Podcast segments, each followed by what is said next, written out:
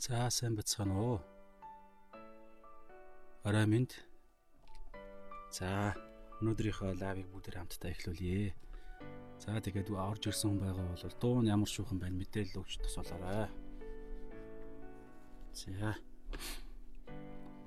За би юун дээр э, пост хэсэг дээр бичсэнчлэн та бүгдийг комент хэсэгт э, юм бичтэл санаа оноогоо бичтэл би энэ хоёр зүйл дээр хуваалцчихъя гэж бодлоо.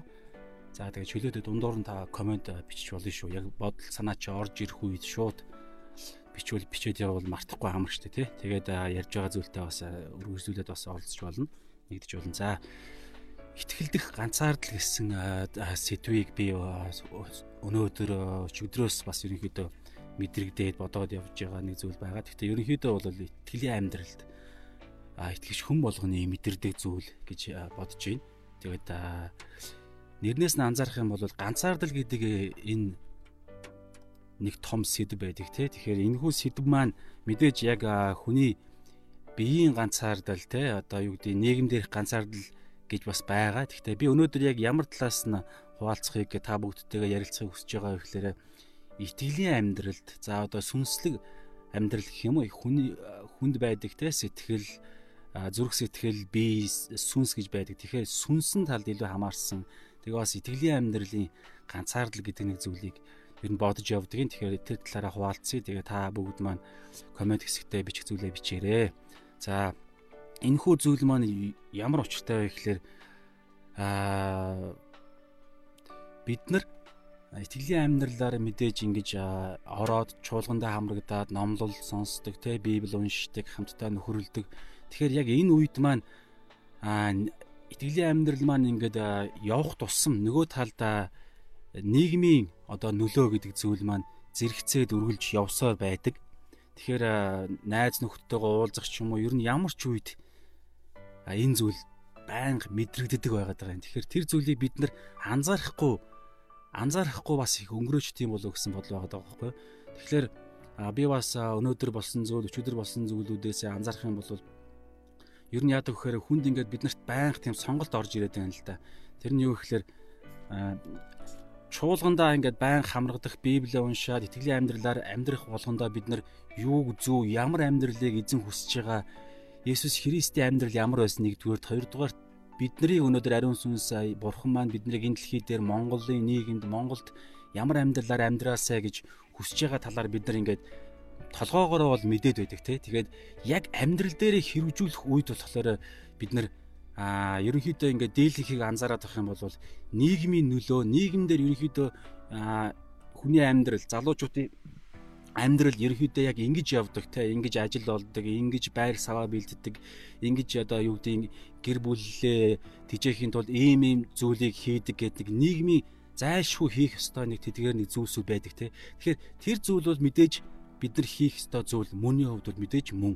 Гэхдээ а энэ нэг одоо юу гэдэг энэ аль эзэнэ байдаг хүний нийгмийн а энэ зүйлүүд маань нөлөө болоод тэгээд итгэлийн амьдралын нөгөө нэг бүтэнсээ өдөр болгон эсвэл чимээгүй цаг хийх болгондоо эсвэл ариун сүнс биднийг нийгэмдэр ингээд сонголтууд ирэх үед ингээд ятгах болгонд тэр хийх хийгээсэ гэж бурхны хүсэж байгаа зүйлийг бид нар мэддэг мөртлөө яг тэр нийгмийн нөлөөнөөсөө бид нар салж чадахгүй. Тэгээд бүр тэр нөлөө нөлөө маань бид нарыг бүр ингэж оюун санааг минь хүртэл ингэж өөрчилсөн өөрчлөх хэмжээнд яваад байна гэж би анзаараад байгаа байхгүй. Тэгээд энэ амьдрал донд яадаг вэ гэхээр яг ингээд итгэлтэйгээр те ингээд яг итгэлдээ тууштайгаар эсвэл яг эзнийхээ нийгмийн тэр нөлөө, нийгмийн тэр орилоо чи ингэх ёстой, чи тэгэх ёстой те янз бүрийн зүйл байж болно. Магадгүй чи одоо юу гэмдэ а хөгшөрлөө хүнтэй суу. За энэ арай онд асуудал байж болно. Гэхдээ бас зарим талаараа мэдээж энэ зүйл бас байх боломжтой. Эсвэл те чи чуулгандаал байнга үйлчлээд байх юм. Амьдралаа юу бодож байгаа? Амьдрал чи яах юм? Ирээдүйд гэр бүлтэй болохоор үр хүүхэдтэй болохоор чи яах юм? Машин тэрэг байхгүй, байр сав байхгүй гэх мэтчлэн энэ үнэн боловч энэ зүйл ингээд бидний амьдралд байнга сонсогдоод ирэхлээр а мэдээж нөгөө нэг том сонголттой нэг нөлөө байгаад байна. Тэгэхээр энэ зүйл дунд Өнөөдөр миний ярих гэдэг байгаа тийм итгэлийн ганцаарлал гэдэг итгэлдэх ганцаарлал гэдэг зүйлийг яагаад энэ зүйл дээр хамааруулж ярих гэдэг вэ гэхээр энэ зүйл энэ нийгмийн энэ амьдралын энэ дэлхийн нөлөөг бид нар мэдж байгаа мөртлөө зарим нэгэн маань итгэл дээрээ бат зогсоод бат зогсоод яадаг вэ гэхээр тийм ээ энэ үнэн энэ бол яалчгүй хүний амьдралд маш чухал зүйл үнэн. Гэхдээ илүү чухал зүйл байна. Эхлээд илүү чухал нэг зүйл дээр би а байр суурь олж те суурэ бэлтгэж би яг амьдралын ертөнцийг үзэх үзэл те энд христч хүний тэр нэг зүйлийн төлөө би эхлээд энэ зүйлийг туулах хэрэгтэй байна гэдэг зүйлийг ярих үед эсвэл амьдралаараа сонголтоо хийгээд явах үед яадаг вэ гэхээр хамгийн түрүүнд гэр бүлийнхэн маань эсвэл энэ нийгэм өөрөө нөхцөл байдлууд бүр харамсалтай чаашлаад итгэгч ахын дүүс найз нар маань хүртэл яадаг вэ гэхээр аа тийм ээ наадах чинь чухал чухал гэхдээ гээд нэг юм яриад байдаг. Тэгэхээр тэр ярьж байгаа зүйлийг зүйл ингэж олонх би баг ганцаараа одоо юу гэдэг нэг аймаар улаан христч болцсон ганцаараа нэг сүнслэг ганцаараа нэг юм хийсвэр дэлхийн одоо тэнгэрийн зүйлсийг бодоод яваад байгаа юм шиг тийм мэдрэмжийг хүртэл надад төрүүлэх хэмжээний тийм нөлөөнүүдийг а итгэгч нар маань хүртэл өөрсдийн мэдлэгөө яриад явж идэг гэдэг зүйлийг хэлэх гээд байна л да. Тэгэхээр энэ болохоор эдгээр зүйлүүд маань чуулган дээр ч юм уу хаа сайгүй эдгээр тэр ганцаардалд магадгүй ингээд нөхөрлөл дунд ч гэсэн бид нар баторж бабу сайн уу гэж сайн уу А та бүгд маань чөлөөтэй комент хэсэгт бичих зүйл байвал хуваалцаад явуулгая шүү. За тэгээд хамтдаа бас ярьж байгаа зүйл нэгдвэл те. Тэгэхээр ариун сүнс одоо юу гэдэг итгэлийн амьдралд итгэлт ганцаарлаг гэдэг энэ зүйлийг ч гэсэн миний бодлоор бол бурхан ч гэсэн бас бидний дотор одоо яолон бай залбирдаг гэдэг шиг энэ дотор магадгүй ганцаардаад ганцаардаад явж байгаа юм шиг. Тэгэхээр а өнөөдөр итгэгч та те би юу хэлэх гээд байна гэхээр итгэгч та а библийн дагуу нэг зүйлийг чуулган дээрээ ярих үед эсвэл библийн дагуу эсвэл ариун сүнсний танд ухааруулж байгаа зүйлийг найз нөхөд дундаа эсвэл нийгэмдэр ч юм уу ярих үед та нэг юм эвэртэй туулаа шиг та хин нэгэнд харагдаж магадгүй.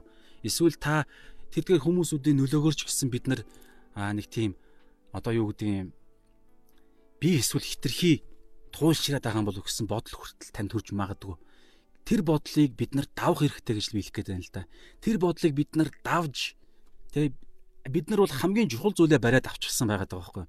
Тэгэхээр тэр бариад авчихсан чухал зүйлийг алдуулах гэж бидний дотны хүмүүсүүдээр янз бүрийн хүмүүсүүдээр дамжуулж нөхцөл байдлуудаар дамжуулж тэр тэнгэрийн тэр гайхалтай те нөгөө нэг тэнгэрийн хаанчлал бол те талбайд нуугдсан эрдэнэс шиг гэдэг шиг тэр гайхалтай зүйлийг та олоод авчихсан учраас энэ зүйлээ та алдахгүй тулд та ганцаардсан ч хамаагүй те таны дотор мэдрэмж чинь би ганцаараа л нэг юм хитрхи нэг юм амар туйлширсан юм яриад яваад байгаа юм байна да гэсэн бодол төрсөн ч гэсэн тэрийг та үл ойшоогоод та явах ёстой зүйлөө яваарай гэд хэлэх гээд байна л та. Гэхдээ бас нэг гой урамшуулах зүйл нь бас нэг миний нэг мэдэрсэн зүйл магадгүй чуулган болгонд тийм одоо юу гэдэг итгэл дээрээ үнэж бац зогсож байгаа хүмүүс цөөхөн байж магадгүй. Магадгүй та ганцаараа байсан ч байж магадгүй. Гэхдээ Монгол улсад Улаанбаатар хотод ганцхан чуулган байхгүй шүү. Олон чуулганууд байгаа. Тэгэхээр чуулган болгонд ядаж дор хаяж нэг нэг нэг бурхны зүрхний хүслийг тэлсэн хүмүүсүүд байгаа. Мэдээж үйлчилж байгаа пастор ахлагч нар маань мэдээж орно. Гэхдээ бидний үе тэнгийн хүмүүсүүд дунд ч гэдэг юм уу те. Яг таны дотны анд найз нар дунд чинь таныг ойлгохгүй хүмүүс байсан ч гэсэн өөр чуулгануудад хүмүүсүүд байгаа гэж би хэлэх гээд байна л да. Энийг би бас туршилгаараа мэднэ. Тийм учраас итгэл дундаа та ганцаараа энэ итгэлийг тэгээд явж байгаа юм шиг тийм мэдрэмж төрдөг би ганцаараа энэ зүйлийг мэдэрдэггүй гэж бодохгүй байна. Тэгэхээр тэр үедээ та урамтай байгаад харин ч та бурхны тал зогсож байгаа шүү гэдгээ та бас бодоод урамтай байгаасаа гэж хүсэж байна. За минь хоёр галсан ах маань хамт байгаад баярлалаа. Үргэлж хамт байдагт баярлалаа шүү. Тэгэхээр бид нар хамтдаа энэ зүйл маань ч гэсэн нэг л зүйлийг ирээдүйд нэг зүйлийн төлөө бид нар эдгээр зүйлсүүдийг ингэж чадан яда янз бүрийн зүйлсүүд оролдож байгаа учраас хамт байгаа танд баярлалаа гэж хэлье. За минь хоёр галсан ахын юг комментиг уншия. За итгэлдэх ганцаардал энэ нь өөрөө итгэлийг тууштай дагахгүй эсвэл нийгмийн буюу хүмүүсийн талыг баримтлах уу гэдэг асуулттай холбоотой байгаа. Өөрөөр хэлбэл өөрийн итгэл үнэмшил болсон Бурхны таалалд нийцүүлж явах уу эсвэл нийгэм буюу хүмүүсийн таалалд нийцүүлж явах уу гэдэг сонголт ирдэг. Яг үнэ. Яг энэ зүйл те санал нэгдэж байна. Минь дээр галсан ах минь та энэ зүйлийг мэдэрдэггүй гэж би танаас асуу. Ямар нэгэн байдлаар та мэдэрдэг бол та бас хариулаач ээ. Тэгэхээр энэ зүйл нь нэлээд бидний одоо юу гэдгийг гүнд байдаг, байн хуваалцаад нэг гаргаад байдаггүй зүйл гэж би яг бодож байна. Тэгэхээр аа яг энд байгаачлан те яг л нэг хоёр сонголт яригдж байна л да. Тэгэхээр миний хоёр дахь та бүгдийг дараагийн өөр сэдв дэвшүүлтэл би хоёр дахь зүйл маань энэ зүйлтэй бас холбогдоод л байна л да. Тэгэхээр За Hugo Ferdinand Boss амжилт хүсье баярлаа. За үйлс ба итгэл гэдэг энэ нэг ишлэл байгаа юм л да. Эфес Та бүгд Библич ойрхон байгаа бол гэхдээ би уншия. Эфес 2-ын аа 8, 9, 10 гэсэн энэ гурван ишлэл дээр нэг чухал зүйлийг бодож явдаг нэг чухал зүйлийг энд маш тодорхой хэлсэн байгаа байхгүй. Тэгэхээр энийг бас ойлгоогүйгээс болж хүмүүс бие биенээ шүүх эсвэл өөрийнхөө итгэлийг ч гэсэн бас итгэлдээ бас эргэлзэх асуудал гараад байдаг гэж би хараад байгаа юм. Тэгэхээр за би уншиж өгье. Итгэл ба үүс нэгүсэл гэсэн энэ сэдвд ор энэ сэдвийг би эндээс олж харсан нэгэн хоёр юу байгаа сэдв байгаа. За би уншия. За Эфес 2 дугаар бүлэг 8-аас 10 дугаар ишлэл. За нэгүслийн учир итгэлээрээ аврагдсан нь та нараас бус харин бурхны бэлэг гэж гисэн нэгдүгээр ишлэл байна. За би дахиад уншия. Энд нэг санаа байгаа. Нэгүслийн учир итгэлээрээ аврагдсан та нараас бус аврагдсан нь та нараас бус харин бурхны бэлэг. За хоёрдугаар хэсэг байна. 9 дугаар ишлэл үүс бөгөөд үүсээр чинь биш тул хинч үл сайрхах болно. 10 дугаар ишлэл учир нь бид сайн үйлсийн төлөө Христ Есүс дотор бүтээгдсэн түүний бүтээл мөн биднийг эдгээрийн дотор яваасаа гэж бурхан урдаас бэлтгэсэн билээ. За амин. За энэ энэ гурван ишлэл дээр нэг дис дараа харагдаж байгаа гэж би хараад байгаа. Тэгэхээр энэ дис дараа маань ерөөсөө маш тодорхой нэг хоёр зүйлийг хэлж байгаа. Бид нар мэдэн штэ Галат болон Ром гэх мэтчлэн Паулын чухал чухал олон олон загтлууд дээр бид нар итгэлээрээ буюу нэгүслэр бид нар аврагддаг аврагддаг гэдэг энэ Библийн буюу яг энэ гайхалтай бидний сайн мэдээний цөм оршдог энэ үннийг хэлдэг. За нөгөө талд Яако Яако элч маань бас нэг зүйлийг хэлдэг те. Үйлсгүй итгэл бол үхмэлээ. А үйлс байхгүй бол үйлсээрээ бидний итгэл төгс болдгоо гэдэг зүйлийг Яако 2 хавцаа хэлдэг санагдаж байна. Тэгэхээр эндээс хардаа нэг бас нэг ийм зүйл гарч ирдэг. Аа за өөр зүйл хэлэх хэлээг байгаа бол ер нь бол тохиолддог. За харин тийм бах те. За нэг саяхан нэг итгэлийн ихч маань нэг ийм зүйлийг хэлсэн байхгүй. Тэгэхээр тэр зүйл маань юу байсан бэ гэхээр А Эфес за саяны уншсан ишлэл маань Эфес 2-ын 8-аас 10 дугаар ишлэл шүү. Эфес 2-ийн 2-ын 8-аас 10 дугаар ишлэл. Тэгэхээр нэг ийм үг байдаг. Нэг ийм шүүмж байгаа яваад байгаа. Итгэлийн итгэлийн итгэгч бид нар хүртэл өөрсдийгөө бие биенийгөө би ч гэсэн өөрийгөө бас энэ тал дээр энэ шүүлтүүрээр бас хардаг хардаг зүйл маань юу гэхээр бид нар энэ дэлхий дээр нийгэмдэр гэрэл давс болж амьдрах ёстой. Тийм учраас бид нар сайн үйлсийг те бидний үйлс маш сайн байж энэ дэлхий дээр Христ итгэлийн нэрийг гутаахгүй тулд тэгээ буруу зүйл хийхгүй, хуулийг зөрчихгүй аа энэ дэлхийн нийгэмдэр бид нар бурхны нэрийг үнэхээр өндөрт өргөж бурхан ямар агуу вэ гэдгийг бид нар үйлсээрээ сонголтоороо үг яриагаараа одоо өмссөн зүйлсэн хувцсаараа харуулах хэрэгтэй гэдгийг маш их ярьдаг те. Тэгэхээр энэ зүйлийг бол ерөөсөө бид нар маш чухал гэдгийг мэдж байгаа. Тэгээд энэ зүйлийг би ярихдаа а өөр нэг санаатай бити холиосоо гэж хүсэж байгаа. Тэр утгаараа өнөөдөр энэ ишлийг гаргаж ирж байгаа. Яг та нар анзаарах юм бол хараа 10 дугаар ишлэлээр яг саяны зүйлийг хэлж байгаа байхгүй юу? Саяны шөөмжийг юу яг баталж байна. Юу гэхээр учир нь бид сайн үйлсийн төлөө Христ Есүс дотор бүтээгдсэн. Тэгээд бид нар ийм л зоригтой бүтээгдсэн Бурхны бүтээл мөн. Эдгээрийн дотор яваасаа гэж Бурхан биднийг бүр урдаа сонгоч сонгочихсон байсан. Тэгэхээр Бурхан биднийг сонгосон зориг хүртэл энэ нийгэмдэр сайн үйлсийн төлөө Христ дотор бид нарыг бүтээсэн байгаад байгаа. Тэгэхээр энэ бол яалтчгүй маргахын аргагүй зүйл. Харин бас нэг зүйлийг маш чухал зүйлийг бид нар ярихгүйгээсээ болоод энэ зүйл маань заримдаа хуучин гэрээний хуулийг яриад байгаа юм шиг хуулийн үүсийг бид нар заавал биелүүлэх ёстой гэдэг нэг тэр нэг зүйлийг андуураад байгаа юм шиг би ойлгоод байдаг. санаа зовлт байдаг. Тэр нь юу вэ гэхээр та нар хардаа 9-ыг 8-ыг уншта. Нэгүслийн учир итгэлээрээ аврагдсан нь та нараас бус харин бурхны бэлгээ Тэгээ үйлсээр чинь биш тул хинт сайрахгүй гэсэн санаа. Тэгэхээр дис дараа маш чухал дис дараа энд байгаа. 8 дугаар ишлэгийг харах юм бол Бурхан биднийг сайн үйлсээр биш. Хардаа сайн үйлсээр бол ерөөсөө биш. 9-ийг харах юм бол үйлсээр чинь биш гэж байгааз үйлсээр чинь биш учраас хинт сайрахгүй гэж байгаа.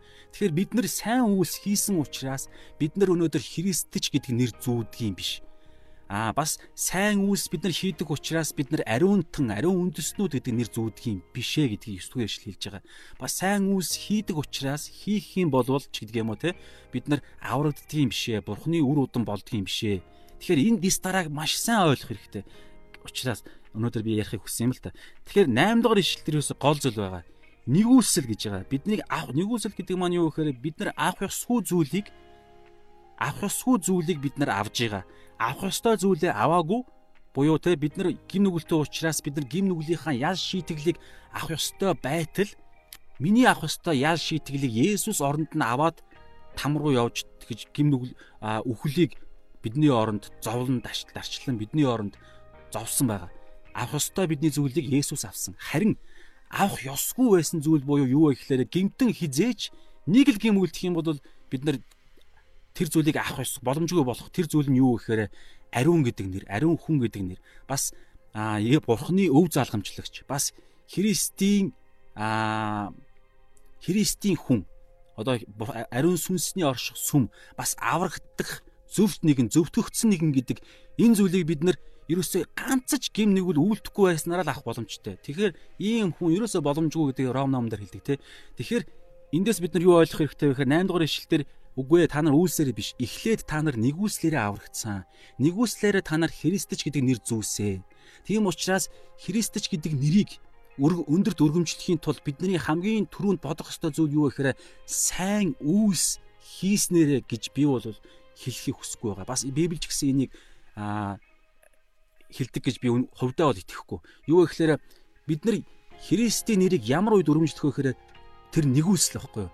Бурхан биднийг гэмтэн байх үед бид нарыг эхлээд хайрлж биднэрт авралыг зөвхт гэдгийг Христч гэдгийн тэр гэр бүлийн гишүүнийг эхлээд гимтэн байх үед л биднэрт энэ зүйлийг бэлэг болгон өгсөн тэр л гайхалтай энэ юр бусын сайн мэдээ чинь өөрөө Христийн нэрийг хамгийн өндөрт өргөмжилж бүх алдрыг Христэд зөвхөн өгөх юм байна. Тэгэхээр надаас ямар ч хийсэн юм байгаагүй. Надад ямар ч алдар байхгүй. Би юу шийгээгүй байхад Бурхан Есүс өөрөө бүгдийг хийгээд үнгүү тэр гайхалтай алдар нэрийг өгсөн учраас энэ зүйлийг бид нар өнөөдөр ярьж явах юм бол Христ бусад сонсож байгаа хүмүүсүүдэд юу ч хийхгүй байжгаад үнгүү бэлэг авах тэр гайхалтай нэгүслийн сайн мэдээ болох гэдэг. Харин нөгөө зүйл байгаа шүү дээ. Тэгээд бид нар нэгүслийг авчихсан, аврагдчихсан өнөөдөр бид нар энэ аврагдсан хүнийх нь амьдралынх нь онцлог нь өөрөө юу вэ гэхээр одоо энэ 10 дугаар ишлэлд байгаа ертөнцийн суураас бид нарыг сайн үйлс хийхийн тулд энэ нэгүслийн энэ авралын энэ түүхч өрнж байгаа намайг сонгосон би аврагдсан зөвтгөгдсөн үнгүүгээр тэгэхээр бидний аврагдсан тэр авралын амьдрал нь өөрөө сайн үйлс хийх тийм онцлогтой. Угаасаа би хийхийг хүсэхгүй байна гэж ярихгүй боловч үнэхээр жоохон хэтрүүлж ярих юм бол те зөөрлж ярих юм бол би хүсэхгүй байсан ч энэ аврагдсан энэ хүн шин бүтээл чинь өөрөө цаанаасаа сайн үйлсийг хийх хуучин гэрээний тэр хуулиудыг цаанаасаа бүр давуулан биелүүлэх тийм хүч чадалтайгаар бий болсон шин бүтээл байгаа байхгүй. Тэгэхээр хэрүү хардаа бас нэг ийм шүмж байгаа.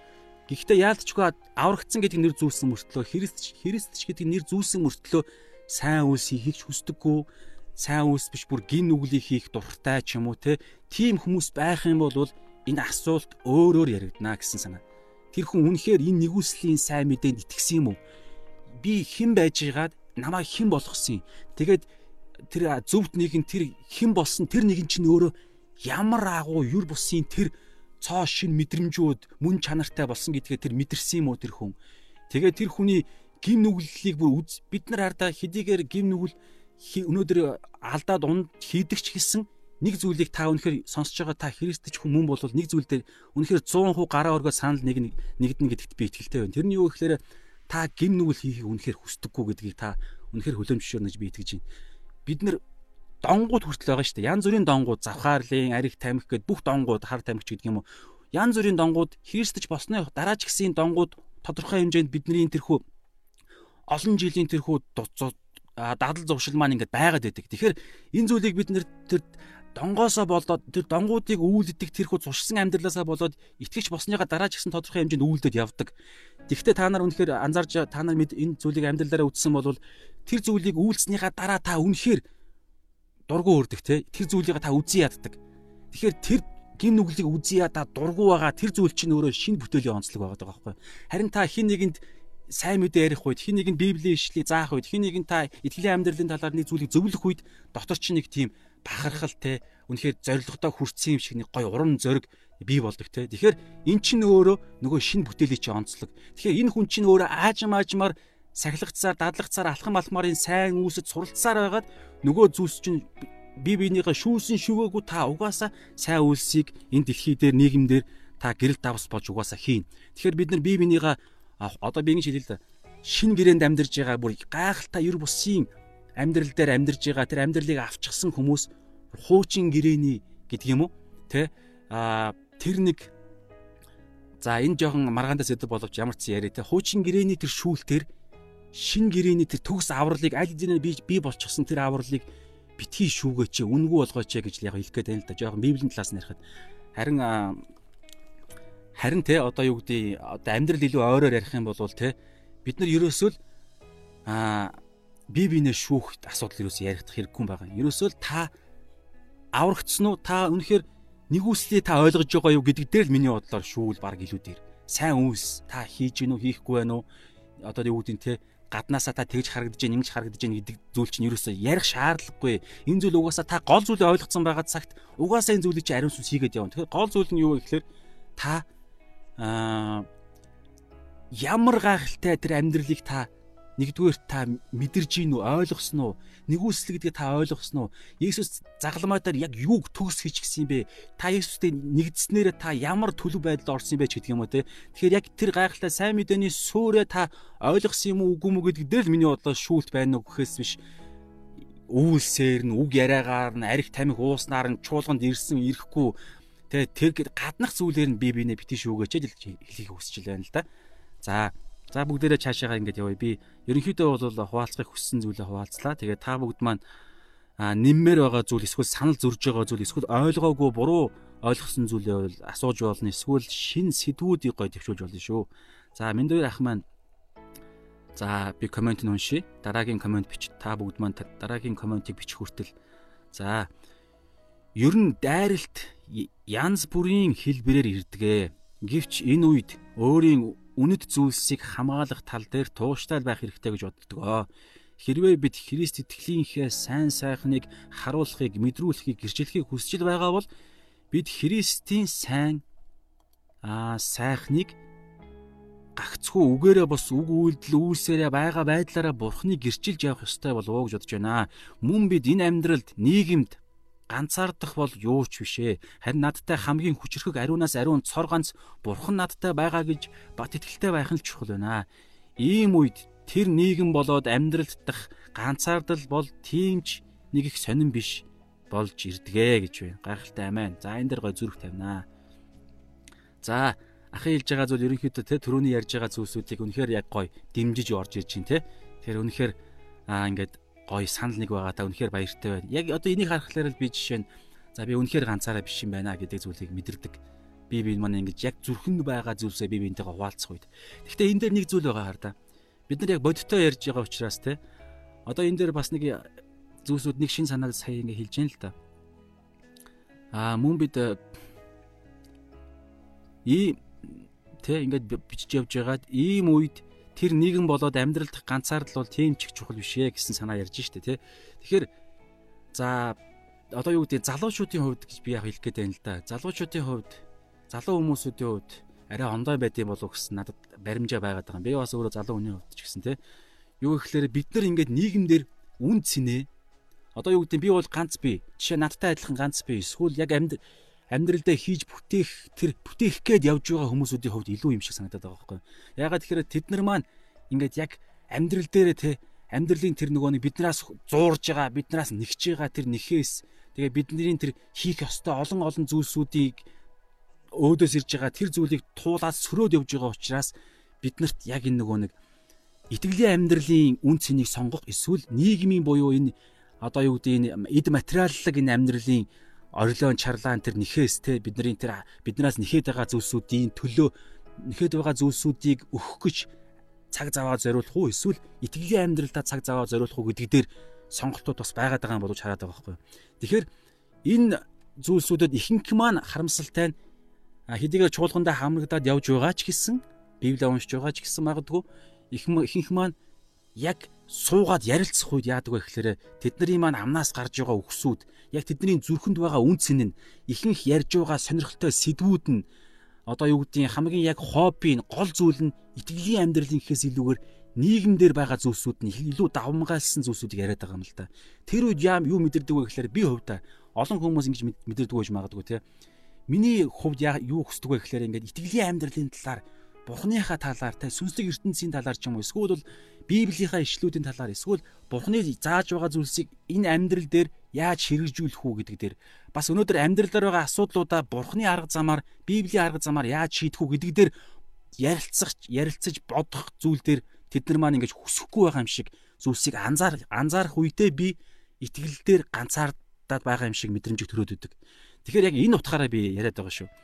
Аа нэлээд жоохон нарийн талдаа. Тэгэхээр залуучууд маань яг ингээд те дотоод үнэд дуртай зүйлсүүдээ санал нэгддэг те бие биентэйгээ санаа нэгддэг зүйлсүүдээр ярих үед тэд нар маань нэг те одоо юу гэдгийг компьютер компьютер те одоо ажил кино моно эсвэл хөл бөмбөг сакс макс гэд тэдний зүрхэн зохилж байгаа баярлуулж байгаа зүйлсүүд нь ихэвчлэн тийм зүйлсүүд байгаад байх үед та магадгүй ганцаараа уг нь таны дотор те библи судлахыг хүсээд хамтдаа нэг гой магтчмаар хамтдаа нэг гой залбирчмаар эсвэл хамтдаа нэг гой нэг ойлгохгүй ишлээ хамтдаа хуваалцчмаар тэгээд нэг юм ойлгоод авчмаар байтал тэд нэг одоо юу гэдэг нэг шоу яриад тэ эсвэл комеди ярьдаг ч юм уу эсвэл одоо юу гэдэг янз бүрийн тийм нийгмийн хүмүүсүүдийн ярьдаг зүйлсүүдийг яриад хайрын цаг алдагдах үед танд ганцаардж байгаа юм шиг тийм ганцаараа нэг би ийм сонир мэдрэмжтэй юм уу хит сүнслэг юм уу хит туушгсан юм уу гэдэг тэр талаас нь ярьсан шүү байхаа.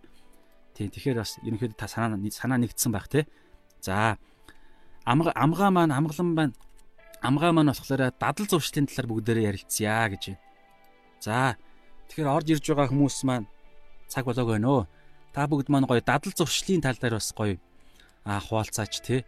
Аа яагаад дадал зуршлыг амгаа маань бас ярьж байгаа гэж би мэдрээд байгаа вэ гэхээр магадгүй бид нар те дадал зуршил маань өнөөдөр бидний амьдралыг биднийг хэн гэдгийг бас бидний амьдралын тэр мэдрэмжүүдийг бидний үйл идэг дадал зуршлууд маань тодорхойлоод байдаг учраас дадал зуршлыг бас нэлээд тийм объектоо болгож бүгдээр ярилцвал зүгээр юм болов уу гэж бас бодож байна.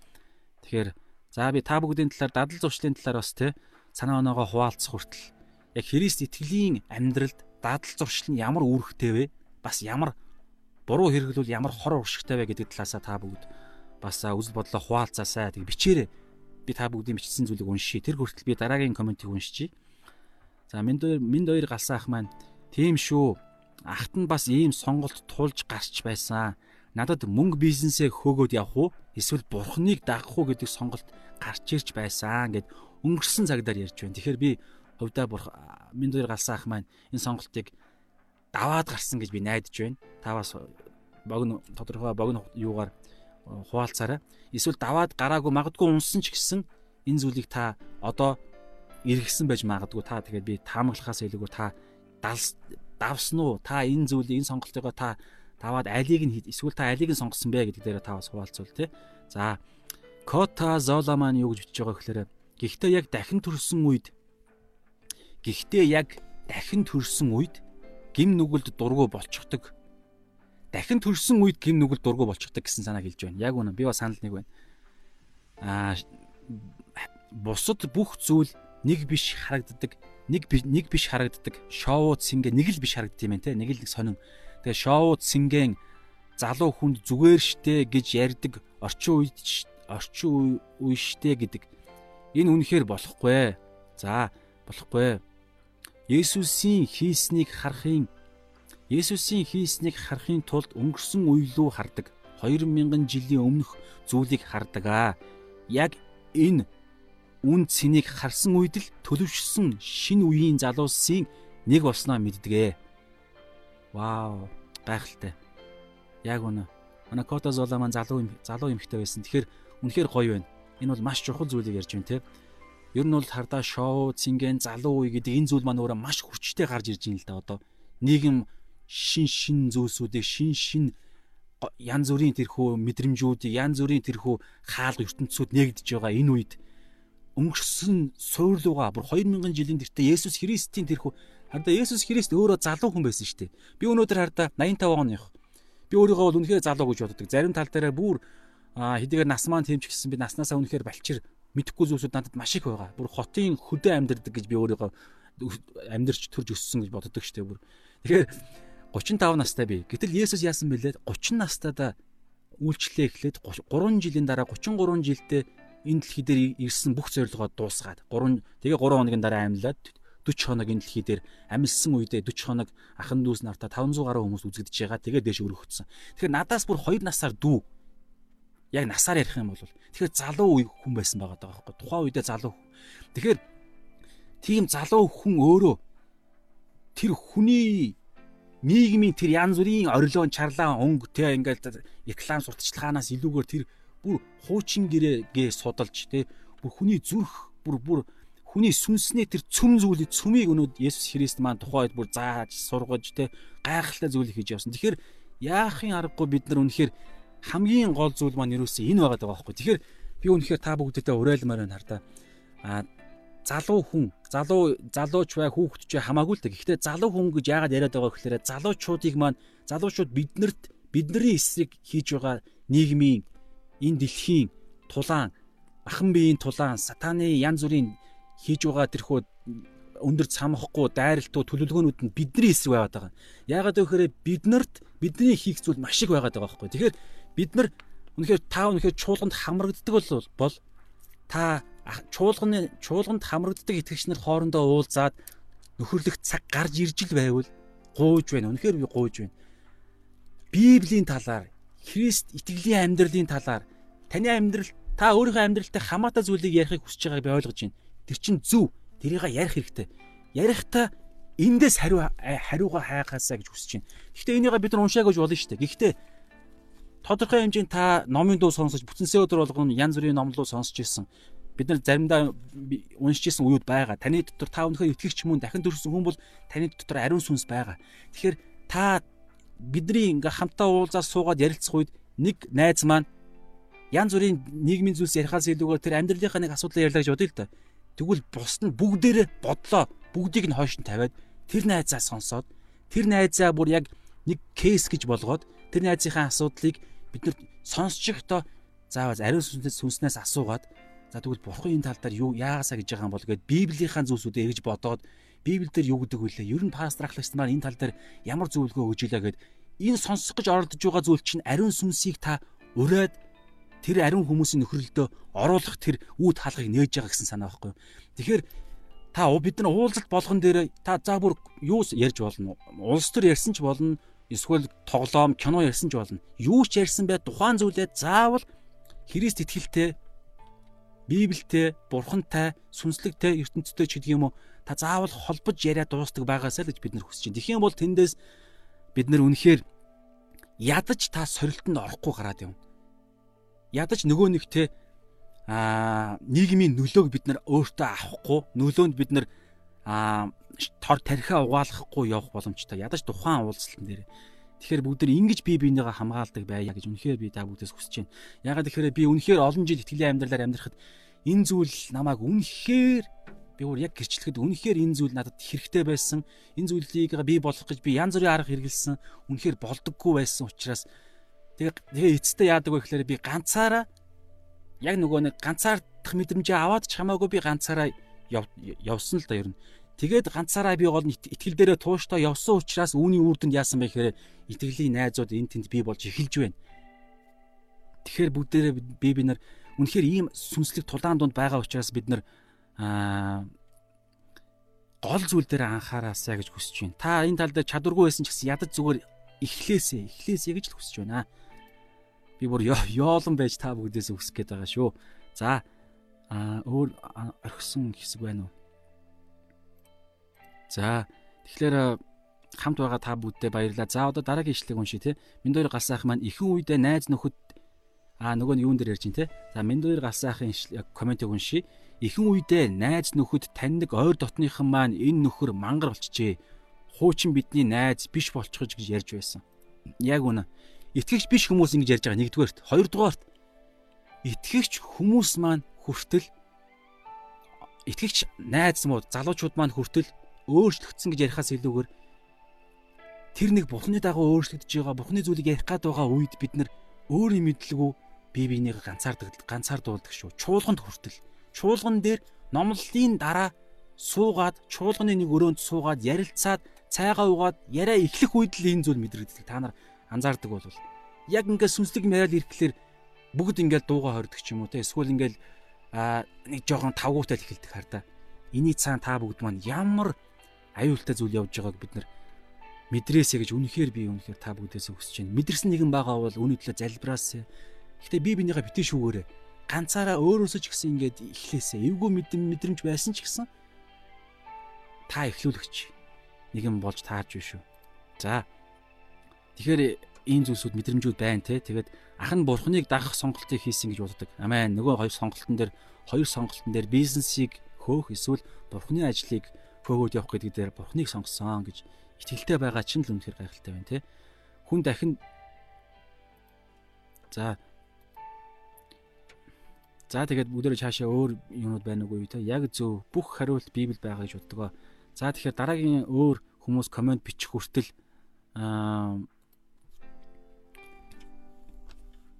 би бас та бүгдийг бичих хүртэл хуваалцах зүйлүүд байвал бас хуваалцаа явж тий. Тэгэхээр яагаад эдгээр зүйлсүүд надаас гараад байгаа гэхэлэр та бүгд ерөнхийдөө өөртөө бас нэгэн сүнсээр анзаарж байгаа байх гэж найдаж байна. Аа би бас нэг зүйлийг бас сүүлийн үед мэдэрлээ л дээ. Тэр нь янз бүрийн зүйлсүүд тэр одоо нийгэмдэр комент момент те элдв янзын постууд энэ коронавирус ч гэх юм уу янз бүрийн зүйлсүүд дунд бас анзаарсан зүйлсүүд байна. Гэхдээ тэрнээс илүүгээр яг бодитоороо биеэрээ мэдэрсэн зүйлсүүд ч гэсэн байна. Тэр нь юу вэ гэхээр бид нар хардаа итгэгч бид нар итгэлийн амьдралаар яг үннийг мэдсэн эрх чөлөөнд гарсан бид нар маань нэг зүйл дээр яг бүдрээд байна би ч гэсэн. Одоо би ч гэсэн эндээс гараал явхад надад яг тэр зүйл яг хүлээж байгаа байхгүй. Тэр зүйл юу вэ гэхээр маш аюултай нэг тийм зүйлсүүд байгаа даа. Тэр нь юу вэ гэхээр би би өөрийгөө бас бусдыг би биентэй харьцуулах. Бид нар би биентэйгээ харьцуулж эсвэл өөрийгөө хин нэгний дээр байна уу доор байна уу ижлэхэн байна уу гэдэг нэг иймэрхүү байдлаар би биен би биенээ харьцуулж бодох тэр бодлыг бодоол эхлэх тэр цагаас эхлээл бид нар нэг зүйлсүү бүдрээд орчоод байна. Ахын төснөр минь. Бид нар шүүлт рүү орж байна нэгдүгээрт. Хоёрдугаарт Бурхны миний дотор нэгдүгээрт, хоёрдугаарт нөгөө хүний дотор хийж байгаа тэр үн цэнийг бид нар алдагдуулаад байна. Тэгээд бас бид нар тэр бие бинийгаа бие биентэйгээ харьцуулсан тэр бодлоор эсвэл хардаа нэг юм байна. Би өнөөдөр биердэн сургууль төгссөн, эсвэл би өнөөдөр пастор гэдэг нэг байр суурьтай байлаа гэж бодъё л доо жишээ нь. Тэгэхэд би өнөөдөр пастор учраас энэ итгэгч за бүр бүр жоохон хэтрүүлээ ярьчих.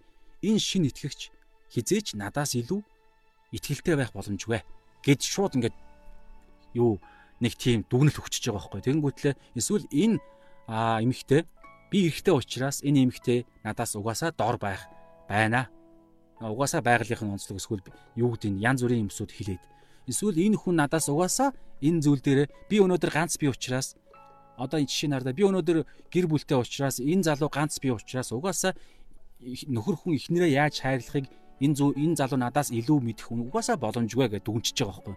Тэгэд энэ дүгнэлт чинь өөрөө зөвхөн нэг талыг баримтсан дүгнэлт гэж би үнэхээр хэлэх хүсэж байна. Ягаад гэвэл би ганц би нэгдүгээр ганц би мөртлөө би эмэгтэй хүнийг хайрлах те а үр хүүхдүүдэд хайрлах тал дээр би муухан нөхрөөс би бас өөрийгөө илүү гэж би зүгээр өөрөө өөртөө ихтгэлтэй байдаг. Нэгдүгээр хоёрдугаарт тодорхой хэмжээнд би кейсүүдээр би энийгээ өөрийгөө анзаарсан учраас би ингэж итгэж байгаа. Гэтэл би ганц би учраас өөр нэг жишээ нэг хүн гэр бүлтэй болохоор надаас илүү үр хүүхдүүдэд хайрлаж ихнэрээ ойлгох тал дээр илүү гэдг нь ихэнх тохиолдолд үнэн гэдгийг би санал нэгдэн штэ. Гэхдээ энэ зүйлийг ингээд тавьчихаар яаж яах вэ гэхээр ингээд шууд дүгнээд харьцуултаас үүдэж штэ. Харьцуултаас үүдээд ингээд дүгнчихээр энэ таныг нэг зүйлд бүдрүүлэх бүдрүүлэх занг олон занг болоод байна гэж би хэлэх гээд байна л да. Ингээд бодонгууд та яаж яах вэ гэхээр би нэг зүйлийг ярих үед шууд та автоматар яана вэ гэхээр шууд та миний ярьж байгаа зүйлийг та шүүнэ гэсэн үг байхгүй. Тэгээд магадгүй би энэ тал дээр би ихнэргүүч гэсэн эсвэл би энэ тал дээр пастор биш ч гэсэн нэг зүйл дээр тухайн пастраас эсвэл тухайн ихнэртэй нөхрөөс би илүү юм ярьсан тохиолдолд миний ярьж байгаа тэр агуулган дээр нь биш миний би өөрөө нэгдүгээр энэ залуу өөрөө пастор биш энэ залуу ихнэргүй учраас гисэн энэ харьцуултаас болоод би бинээ шүүгээд байгаа байхгүй. Тэгэхээр шүүлтээс болоод яаж юм гэхээр би бинийгаа үн цэнийг бууруулж байгаа учраас тэр хүнийг буруугаар дүгнээд буруугаар ойлгочихно гэсэн үг. Тэгэхээр ингэж бодож явсан зүйлсүүд чинь нэмгцээр нэмгцээр дараа нь яах вэ гэхээр нэг өдөр ингээд маргаан болно. Эсвэл ингээд бүр гал асч байгаа байхгүй. Тэгэхээр би бинээ энэ залуу надаас дүү учраас эсвэл энэ эмээ надаас бүр дээр үед амьдарч исэн учраас гэдэг юм уу нэг янз бүрийн ийм хүний гаднах байдлаас суулж би бинээ нэгдүгээр бити харьцуулаасаа тэгээд энэ харьцуултаас гарч би бинээ бити аа шүүж дүгнээч зүгээр хин хэлэх нь хамаагүй тухайн хүн хэлж байгаа зүйл нь үнэн бол шууд л дэмж. Тухайн зүйлийг хүний хийж байгаа зүйлс үнэхээр хийж байгаа үйлдэл нь үнэн бол шууд л уран шууд л да. Яагаад бид нар бие бинийгаа заавал юм энэ нийгмийн нэг муухай зүйлийг бид нар итгэлийн амьдрал дээр заавал энийг хэрэглэх ёстой юм бэ? Энэ бол үнэхээр муухай зүйл байгаад байна ахан дүүс нар. За дараагийн бичлүүд комментуудыг бичих уншия. За яг зөв бүх хариулт уншсан те Библиэд байгаа шүү гэж байна. За бүх хариулт Библиэд байгаа шүү. Гэхдээ Библиэс яаж олж гаргах вэ гэдэг дээр бид нар заримдаа ганцаарддаг шүү. Ганцаардна гэдэг нь юу гэмдэ ганц хүний оюун ухаан тутдах тохиолдол маш их байдаг. Тийм учраас ариун хүмүүсийн нөхөрлөл гэдэг байгаа зүйл чинь тэр штэ. Ян зүрийн гой сакс макс ярихаа болио л доо. Ганц уулцсан энэ боломжоо ашиглаж байгаад энэ олон талд энэ гой нөөц болцоогоо ашиглаад бүгдээрээ нөгөө нэг энэ Библиэсээ нөгөө амьдралынхаа хариултыг олъё л да. Тэгээд өөр итгэлийн биш найзуудтайгаа хамт сагс магсаа ярил л та бүгдээрээ. Коронавирусыг хүссэн үн ярил ам амаа юу гэдүүлээ булаацалтал ярина шүү дээ тий. Тийм учраас ит ариун хүмүүс итгэгч хүмүүс уулзах юм бол бүгдээрээ тухайн сэдвийг заавал Библиэтэй холбож итгэлийн амьдралтай Бурхны өнцгөөс харах гэж оролдож бүгдээрээ ярилцдаг байя. За баярлалаа. За хүн дахин төрөхөд урдынхаасаа шал өөр болдог юм байна гэж боддгоо. За яг үнэн дахин төрөх гэдэг энэ маш чухал боловч бас чухал бөгөөд тэгээд маш тийм тайлбартай асуулт ойлголт амьдрал дээр дахин төрсөн хүний тэ тэр мэдрэмжийг ингэж ярилцаж олон талтай энэ зүйлийг одоо харалта дахин төрөх гэдэг энэ сэдвийг барайл хэн дахин төрсөн юм бэ? Би дахин төрсөн юм уу? Чи дахин төрсөн юм уу? Батад оржоод цэцгээд улмаа гэж бүгдээрээ ярилцъя л та. Яг үннээр. Тэгтэл тэнд өмнөн гарч ирнэ штэ магадгүй те би мэдэхгүй байна гэдэг хүмүүс маш олон би ч гэсэн мэдэхгүй байна гэдэг үе надад маш их байсан бохоггүй. Тэгэхээр тэгвэл та тэр мэдэхгүй байна гэдэг үе дээр та яагаад мэдэхгүй байсан? Одоо өмнөхөр итгэлтэй байсан бол та яагаад итгэлтэй болсон? Ингээл энэ асуултыг ярихад л ингээд тойрол хариулаа явах тэнд чинь ямар гоё очир алмаас эрдэнэс тэнд нуугдж байна. Гэтэл бид нар өнөөдөр юу болж байна? Хайрын цаг те. Тэгэхээр энийг хийн эхлүүлэх эхлүүлэх юм бэ гэхээр чуулганд арай удаан явж байгаа нэг нь л ихлүүлэхгүй бол шинэ ирсэн хүмүүсийн тал дээр үнэхээр яалчгүй хоошоо суу штэ. Тэд нэр угаасаа дикосоор аргагүй. Тэгэхээр бүгдээр хамтдаа ихлүүл яахан дүүснэр минь. Яг үнэн. За хулан дорж орг маань юу гэж нэ гэхээр 3 дугаар 3 дугаарыг үзсэн. Маш таалагдсан. 3 дугаарыг 3 дахь дугаарыг үзсэн. Эхний 2 дугаарыг яаж үзэх вэ гэж байна. Баярлаа гоё ингээд үзэж байгаад зүрх тавинаа гоё. Эхний хоёр дугаар ерөөсөө яг энэ миний шалаа миний бодол хуудсан дээр өөр дээр нэг байгаа шүү. Доошо жоохон гүйлгээ харчаарай. Тэгээ бас миний шалаа Монгол гэдэг YouTube дээр миний ерөөсөө бүх зүйлсүүд тэнд тавигдж байгаа. Тэгэхээр тэнд бас бөөнөрөө бас байгаа. Тэгэхээр та ороорой. За А бид нар минь хоёр галсайх маань бас шаашаа бичиж чинь. За тэгээд шинэ ирсэн ахын дүүснэр маань гоё а яагаараа манайхан бичээрээ та бүгд маань анзарж байгаа бол чөлөөтэй байгаа шүү. Хугацаа бид нарт байгаа. За бид нар За минь хоёр галсан гэдэг хүний комментиг уншия. Бид нар өөрсдийн хэмжүүрээр өөрсдийн үнэлэмжээр үнэлж дүгэн дүгндгийг л болохыг эрмэлцэх нь чухал. Яг үнэ. Үнэхээр яг санал нэг байна те. Өөрсдийн хэмжүүр гэдэг чинь ерөөсөө биднийг баллаад байна ахын дүүснэр байна. Яагаад хардаа яагаад гэж өөрсдийн хэмжүүр гэдэг дотор чинь хэн угдаад байгааг та нар мэдчихэж байгаа шүү дээ. Миний энэ бодол дотор хэн угдаж байгаа юм бэ? Энэ 2020 он хүртэлх бүх одоо нөгөө нэг Кайны бий болгосон байгуулсан тэр одоо юу гэдгийг тэр сатаны бий болгож байгаа тэр нэг нийгэм чи явсаар явсаар 2020 оны энэ дэлхий глобалчлагдсан нийгмийн энэ аимшигтай нөлөө энэ дотор байгаад байна штэ бодол дотор. Бидний анзаарсан анзаараагүй. Дээр нь нэмээд өнөөдөр итгэгч итгэгч биш байхаас итгэгч байхаас өмнөх бүх миний энэ гим нүгэл үлдчихсэн бузар булаа үзэн ядалт энэ хэрүүл хараал аимшигтай энэ бодлын энэ сан дата чи миний дотор байгаад байгаа шүү дээ. Тэгэхээр өөрсдийн хэмжүүрээрээ бид нар итгэгч ахын дүүсээ буюу бурхны тэр ариун зүйлсийг хэмжих үед чинь ийм балер үр дүн гарах нь аргагүй байгаа байхгүй. Тэгэхээр бид нар өөрсдийн хэмжүүрээрээ хэмжихийн оронд ерөөсөө битгий хэмжээ ахын дүүснэ минь. Би биентэйгээ хизээж бит би биений харьцуул. Зүгээр л би биенийгаа тэр юу ярьж байгаа тэр яриан дээр нь үйлс дээр нь л анхаарал. Тэгэл хэрүү харин сайн зорилгоор тэг хайрын зорилгоор маш тийм одоо юу гэдгийг даруй байдлаар яг хинбэ хин хинбэ гэсэн зүйлсээ мэддэг тэр байр суурин дээрээсээ ахлагч нар дээр байгаа бид нар бие бинийгаа дүгнээд тэгээд зөв зааж зөвлөх зүйлсүүд ярья. Тэгээ бие бинийгаа бити хайрцуулаач гэж үнэхээр гуйж байна. Хэн байх нь хамаагүй. Та өнөөдөр пастор байна уу? Шинэ итгэгч байна уу? Есүсийн хийсэн авралын бас ариун сүнс орохдоо пастор болсны дараа орно гэдэг юм ерөөсөө байхгүй.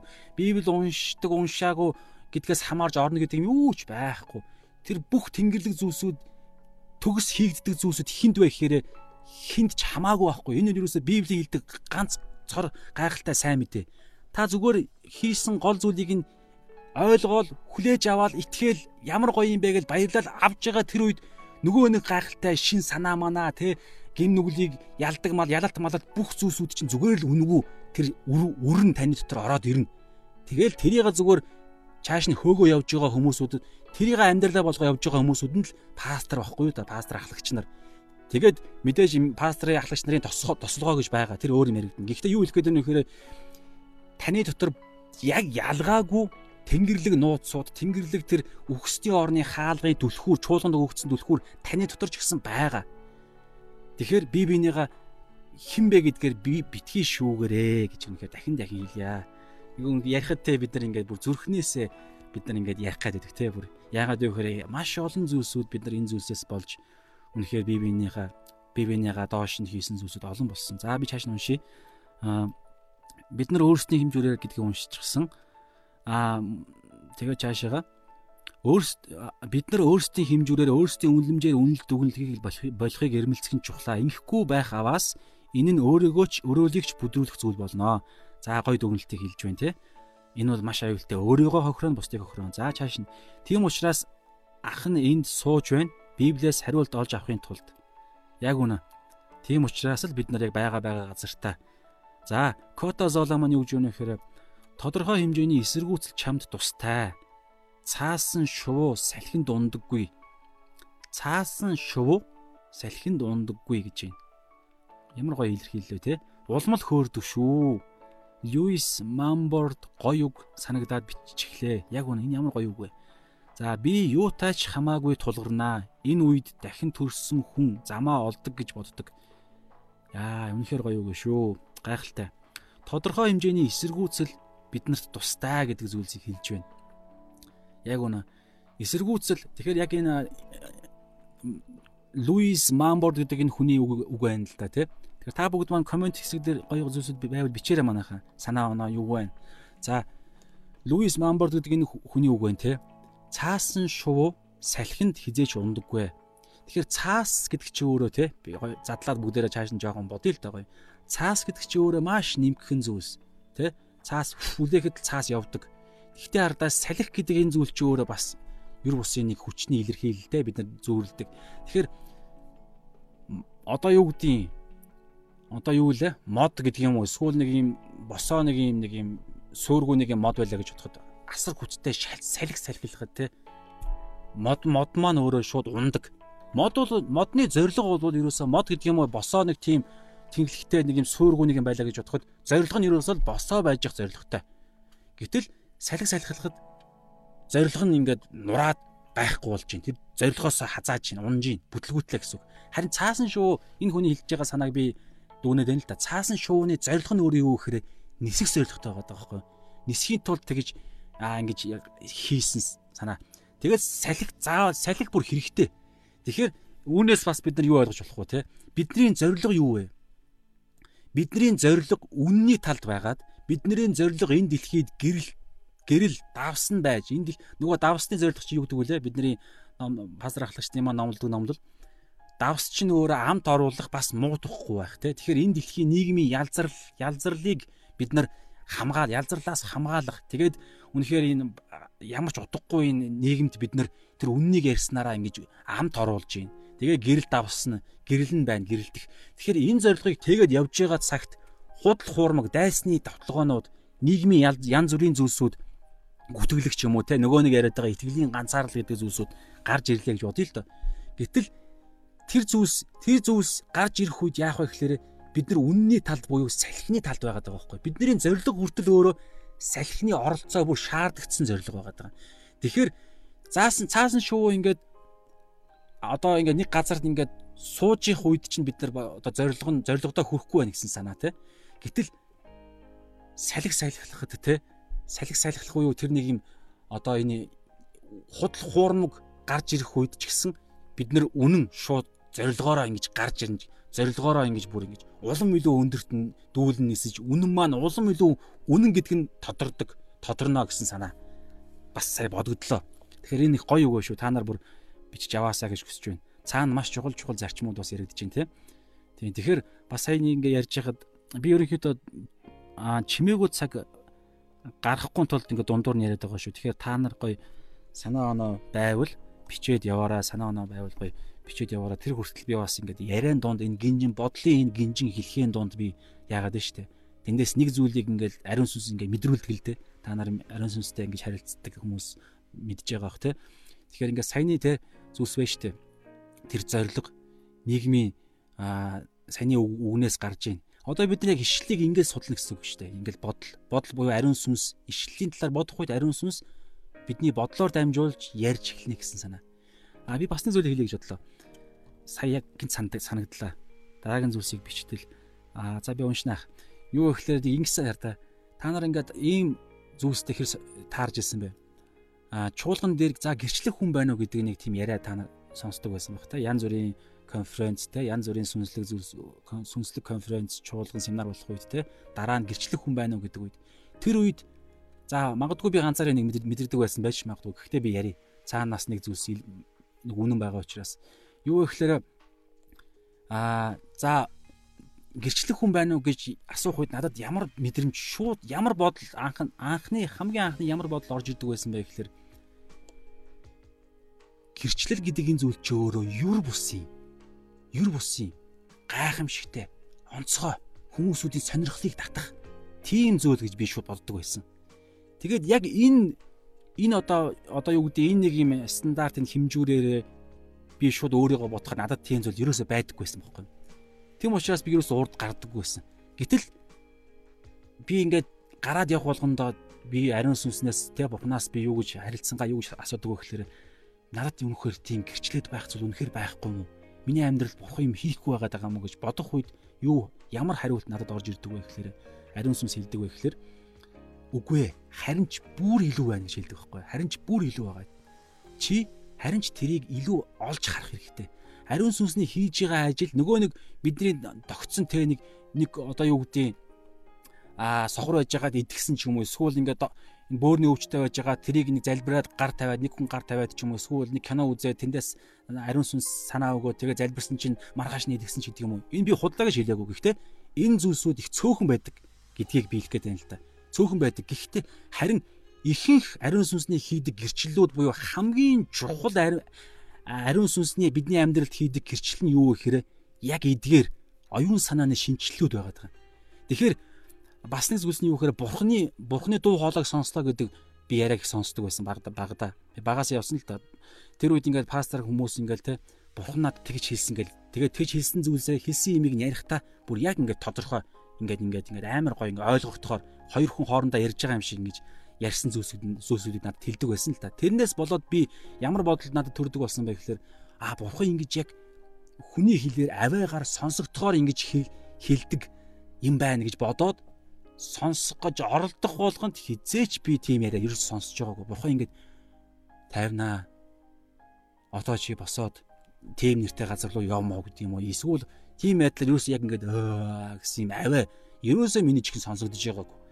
Харин тэр үед бас л дахиад нөгөө би асуулт тавина шүү дээ. Та надтай ярихгүй байгаа уу ч гэдэг юм уу? Би эсвэл тийм итгэлгүй хүн юм уу?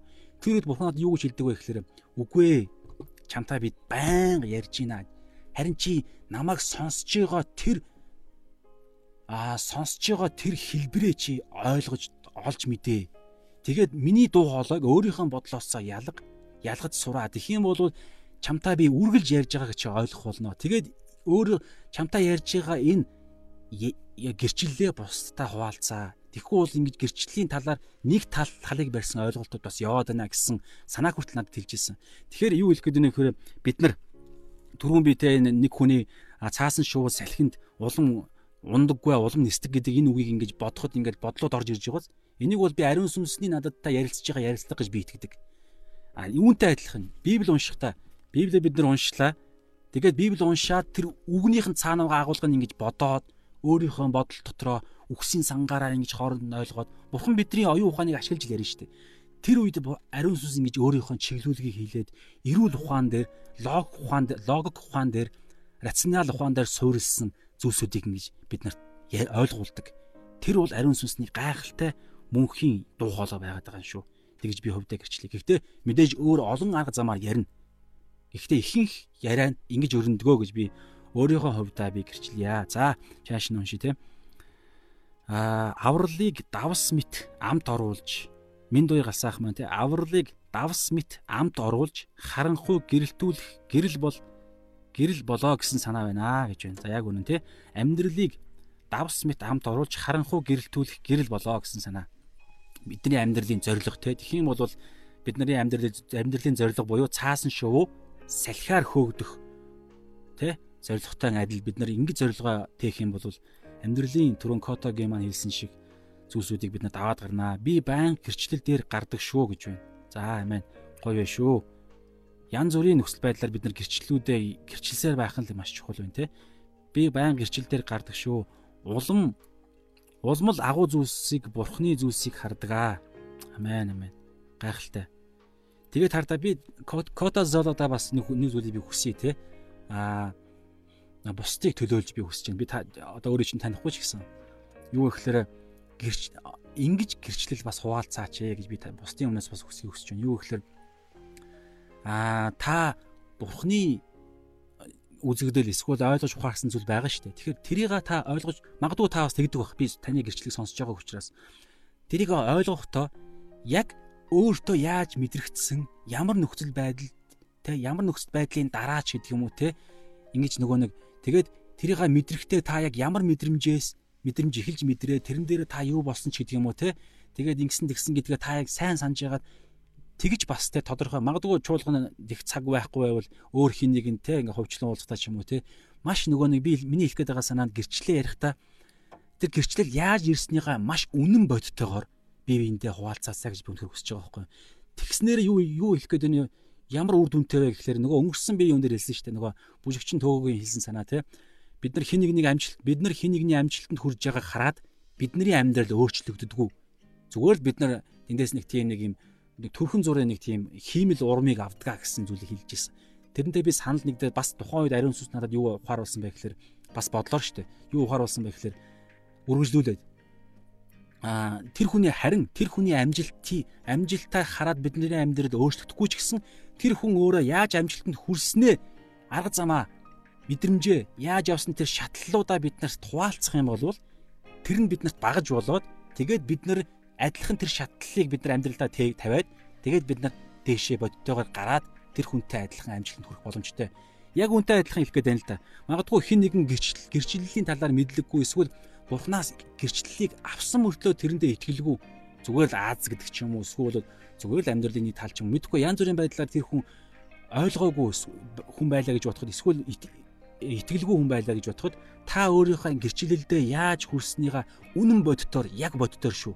Тэгснээрээ та миний бодлоор Бурхны тэр гой юр бусын хийсэн зүйлийг нь юр бусын биш юм шиг та ойлгуулчихгүй гэж магадгүй бодож магадгүй тэр бол үнэхээр биш шүү Харин ч эсэргээрээ эн чинь маш чухал зүйлийг та үнэн бодиттой зүйлсийг та ариун сүнсний хийдэг аргачлалыг хүмүүс зааснараа олон олон хүмүүс амьдралдаа яаж бурхныг дуу хоолойг сонсох тэр багаж нь болно гэдгийг би хуваасаа зүгээр би зөвлөхийг эсвэл хүсхийг хүсэж байна. Тэгэхээр та үнийг авч болно авахгүй байсан ч болно. Магадгүй та бас ингэж явж байгаа байх гэж үнэхээр найдаж байна. За саран уул tranquility байна. Манай хэн байх шиг вэ те? Саруул байх шиг байна. За. Хай ариун сүнснээс үү, сатанаас үү, өөрийн бодлоо бүгдий гэдгийг яаж ялгана гэж бодож байна. Яг үнэ энэ үнэхээр яа маш чухал асуулт асуулт шүү. Энэ асуулт тийг л асуултанд хариулахгүй бол бид нар үнэхээр аюултай нөгөө нэг манан төөрн төөргөдөл дундаа явсаар байх болно тий. Тэгэхээр за энэ зүйл дээр би одоо би бол зөвхөн нэг хүн шүү дээ. Тэгэхээр би яг өөрийнхөө өнцгөөс зүгээр л би үзэл бодлоо хуваалцъя. Тэгээ Библийн а олон олон өнцгүүд мэдээж би миний хараагүй судлаагүй дутуу зүйлсүүд маш их байгаа. Тэгэхээр бас хайж магадгүй саруул чи өөрөө ч гэсэн гой хуваалцаасай. Надад а гэрчлэх зүйл байвал гоё биш шүү. За би ямар ч ихлээд өөрийнхөө өнцгөөс хуваалцахад ерөөсөл би ерөнхийдөө альва асуулт асуулт асуудал нэгдүгээрт хоёрдугаарт альва асуултанд би дандаа ямар би багжийг ашигладаг гэхээр ерөөсөл яг эрүүл ухааныг логик буюу энэ учир шалтгааны энэ ухааныг би дандаа ашиглаж альва асуултанд хариулдаг. Тэгэхээр бурхан өөрөө ч гэсэн яг энэ эрүүл ухааны дагуу тайлбарлагдаж чадахаар өөрийнх нь э, зүйлсүүд тогтолцоо нь оршдог гэж би итгэдэг учраас тэгэхээр хамгийн эхлээд одоо хараа ариун сүнснээс үү гэдэг асуулт байна тийм. Тэгэхээр ариун сүнс нэгдүгээр би ариун сүнснээс энэ бодол ирж гинүү үгүй гэдгийг мэдхийн тулд шууд учир шалтгааны логикоор надад ямар аа дараагийн асуулт гарч ирж гинэ гэхээр тэгвэл ариун сүнс гэдэг чинь өөрөө хийн гэдэг асуултандаа би хариулах шаардлагатай болно ариун сүнсээ таньж мэдэхгүй бол би ариун сүнсний ямар бодол боддог нь би мэдэхгүй шүү дээ. Өнөөдөр за саруул жишээ нь миний одоо миний за миний аа байлаа гэж бодоход те эсвэл найз маань байлаа дотны найз маань байлаа гэж бодоход би байн харилцаар байгаад саруулын хин нэгэн хүнд хэлсэн өгүүлбэр дундаас ганц үг нь хэлэхэд л бусад хүмүүс буруу ойлгоход би тэр хүнийг буруу ойлгохгүй чадна гэсэн үг байхгүй. Ягаад гэхээр тэр үг нь өөрөө аюул үг байсан ч гэсэн би саруулыг би ерөөдөө гадралдаг. Энэ үг ийм ийм утгаар хэлэх хүн биш гэдгийг би мэднэ гэсэн. Тийм учраас би чааш нь жоохон лавлал асуухад л би хам сэдв буюу тэр нөхцөл байдал дундад хэлэгдсэн нөхцөл байдлыг нь би олоо мэдчихээр эн чи ийм л үгчтэй гэдэг нөгөө буруу ойлгосон нь би тайлбарч чадна гэсэн. Яг үнтэй адилхан би ариун сүнснийга сүнсээ би эхлээд олж мэдэх хэрэгтэй. Тэгэхээр ариун миний одоогийн байдлаар одоогийн одоогийн л байдлаар олж мэдсэн ариун сүнс маань өөрөө хэн бэ гэхээр ариун сүнс үргэлж Есүсийг л Есүсийн амьдралд нь амьдралдаа хийсэн, хэлсэн, тэ заасан зүйлсүүдийг тэ бас сүнслэг ертөнцид хийсэн тэр зүйлсүүдийг л дандаа биднэрт танилцуулж, зааж, холбож өгдөг. Яагаад вэ гэхээр Есүс бүгдийг хийсэн учраас Есүст л алдарнд байх зохистой учраас ариун сүнс үргэлж Есүсийг холбодог. Тэгэхээр гол зүйл рүү үргэлж ариун сүнс бидний холбоно гэсэн үг. Нэгдүгээр, хоёрдугаар ингэхдээ юу ашигладаг вэ гэхээр цор ганц төгс багж буюу Библийг. Тэгэхээр энэ Библи чинь өөрөө цаг хугацааны шалгарлыг давсан нөгөө канончлалд орохдоо те а католик ортодокс те ингээл янз бүрийн тэрхүү нөгөө нэг юм аргачлалуудыг давж шалгарч цаг хугацааны юмд олон зүйлсийг давж гарч ирсэн 66 ном.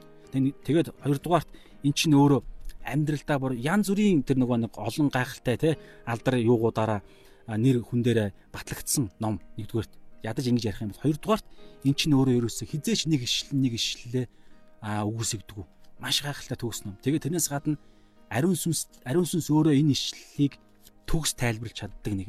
За тэгэхээр асуулт маань тэ юу гэж байгаа байгаа гэхээр а альва миний нөхцөл байдал альва нэг нөхцөл байдал донд надад ингээд нэг бодол орж ирнэ.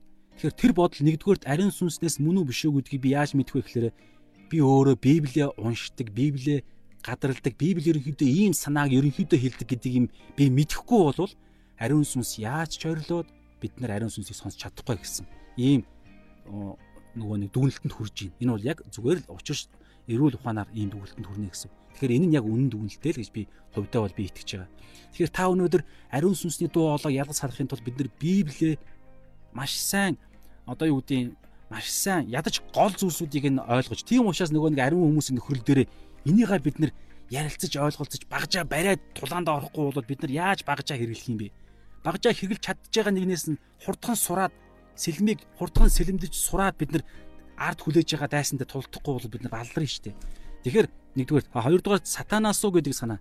Тэгэхээр сатанаас сатан сатаны бодол санаа гэдэг а энэ зүйл ерөөсөө ерөнхийдөө төрөний ариун сүнсний эсрэг л дээ. Тэг нэгдүгээр. Тэгээд бас Библиэд тодорхой байгаа. Махан биеийн хүсэл санаа, махан биеийн нөгөө нэг хүслүүд бол ерөнхийдөө яг сатаны барьдаг гол багж нь аахгүй юу. Тэгэхээр Коринт номон дээр ч байгаа хаасайг байгаа. Эфес гээл Галаад номууд дээрс байгаа. Махан биеийн хүслүүд юу вэ? Сатаны хүслүүд юу вэ? Тэгэхээр хардаа яагаад Библиэлд бичигдсэн байгаа вэ? Яагаад яагаад аа бурхан биднэрт энэ багаж болгож өгсөн юм бэ гэхээр чинь бурхан сатаныг бүр төгс мэдж байгаа. Түүний юу бододгийг төгс мэдж байгаа. Өөрөө сатан Люцифер бол сатан болохоос өмнө Люцифер байхад нь тэрийг бурхан түүнийг бүтээсэн. Бодлыг нь энэ ингэж шагилж ойсон гэсэн үг шүү дээ. Тэгээд энэ ойсон үед нь өөрөө тэр бурхнаас холдох үедээ өөрөө гин нүгэл гэдэг зүйлийг бий болгоод бурхангүй үед тэр бузар мууг бий болгоод тэгээд энэ дэлхий дээр явж явах үед нь түүнийг бүрэн мэдчихсэн бурхан. Тийм учраас харал та Есүсийн ялалт чи өөрөө ялагдсан мэт боловч түүнийг төгс ялсан байхгүй. Яг л нөгөө нэг шалом ном шалом дээр байгаа шүү дээ. Шатрын мастер бол хамаг юм алдаж алдаж ягаад тэг эхлээд гурван нүүдэл хийхэд гурван дээр нь хоёрын дээр нь алдаад тэг тэг эцэстээ хамгийн сүүлд нь бүр юу ч болж ягаад ганц бэрсээрээ шагмат тавьсан шүү дээ. Яг үнтэй адилхан Есүс сатаныг ялгдж байгаа юм шиг боловч хуурж хуурж ягаад хамгийн сүүлдээ ялж чадсан байхгүй юу? Тэрийг бид нар бас ингээд гой сууж ягаад цаана юу усныг ярилцах юм бол бид нар гайхалтай ариун сүнсний э, эд шидтэй юу юг очир алмаазуудыг бие биентэй хуваалцсан. Тэгэхээр а нөгөө библийн мэдэх гэдэг санаа. Тэгэхээр бас сатаны бодол санааг бид нар библи дээрээс олж мэдэх боломжтой. Ихэвчлэн ерөнхийд нь хэлэх юм бол махан биеийн хүсэл, шунал хүслүүд тэр амин хуваа хичээсэн байдлууд дотор ч нөөрэ сатааны бодол санаа явж байгаа. Яг сатан хизээч энэ бол минийх гэж хэлэхгүй. Энэ сатааны гол зорилго бол тэр. Харин миний бодол санаа юу вэ гэдгээ таньж мэднэ гэдэг чинь ерөөсөө миний бодлоор би өөрөө алийг нь сонгоод алийг нь талд байгаад байхыг анх шийдээд тэгээд нэг нэг үйл сонголтыг хийгээд нэг бодлыг бий болгож байгаа шүү дээ үйлдэл болгож байгаа. Тэндээс эхлээд миний нэг тийм бодлын тийм нэг юм намтар эхэлж байгаа. Тий. Тэгэхээр ер нь өөрөө өөрийнхөө бодлыг бид нар яваанд таньж мэддэг болно гэсэн. Тэгээд тэрнээс гадна миний бидний амьдралын дуудахтай холбоотой. Миний хүсэл зорилготой холбоотой. Би юу хүсдэг, миний хобби юу юм гэдэгтэй бас холбоотой миний энэ бодлууд бас жоохон өрнөд байгаа гэсэн. За ерөнхийдөө манай цаг маань нэлээд өндөрлж байна те. Тэгэхээр сарвал маань саран уул tranquility маань а лай маань өндөрсөн ч гэсэн комент хэсэгт гоё бичих зүйлээ бичээд үлдээж болно шүү. За би сүүлийнхаа баг юг уншия. Минд баяр галсан ах маань эхнээс нь дуустал хамт байсан танд баярлаа ах.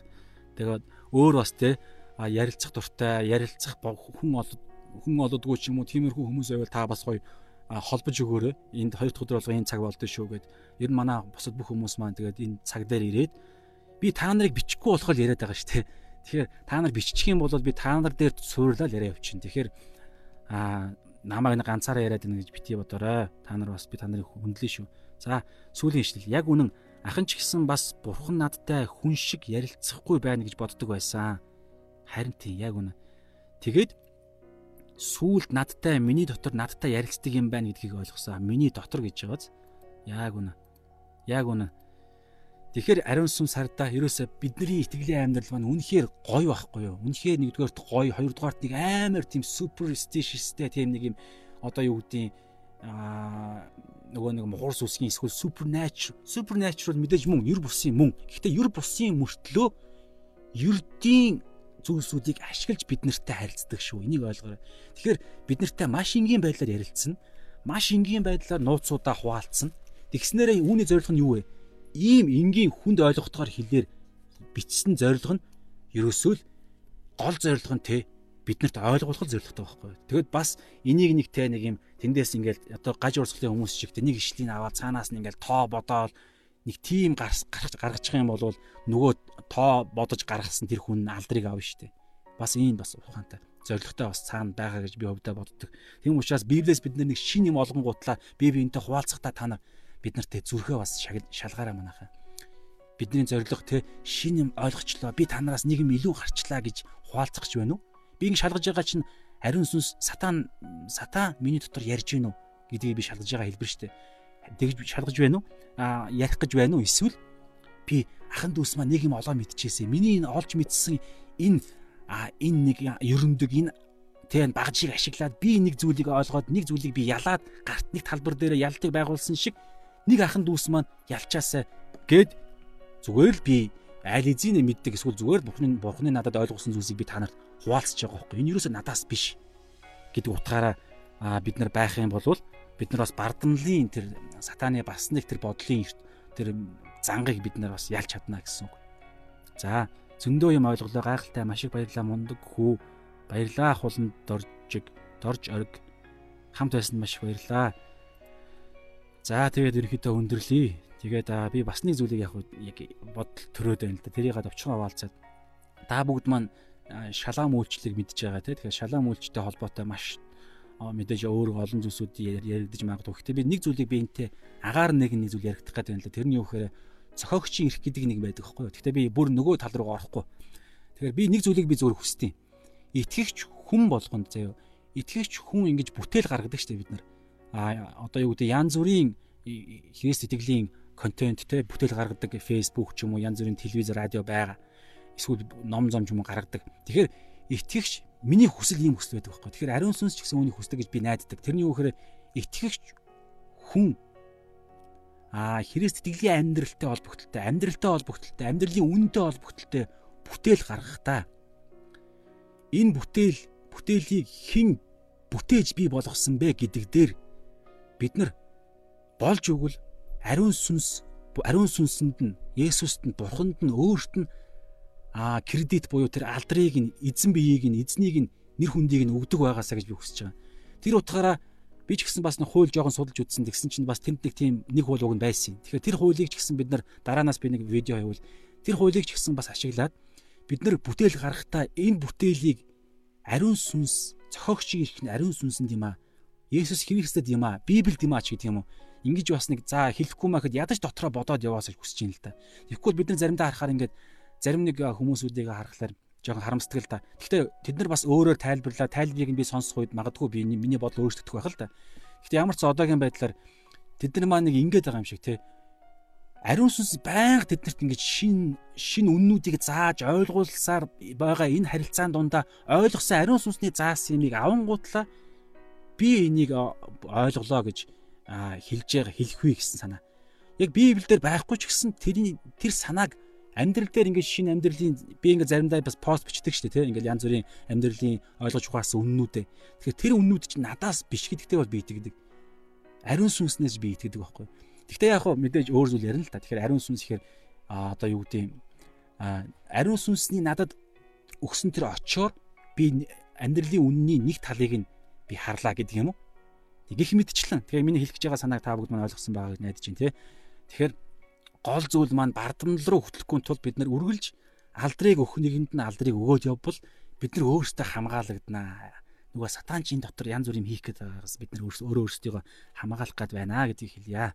За тэгээд хамт байсан баярлаа.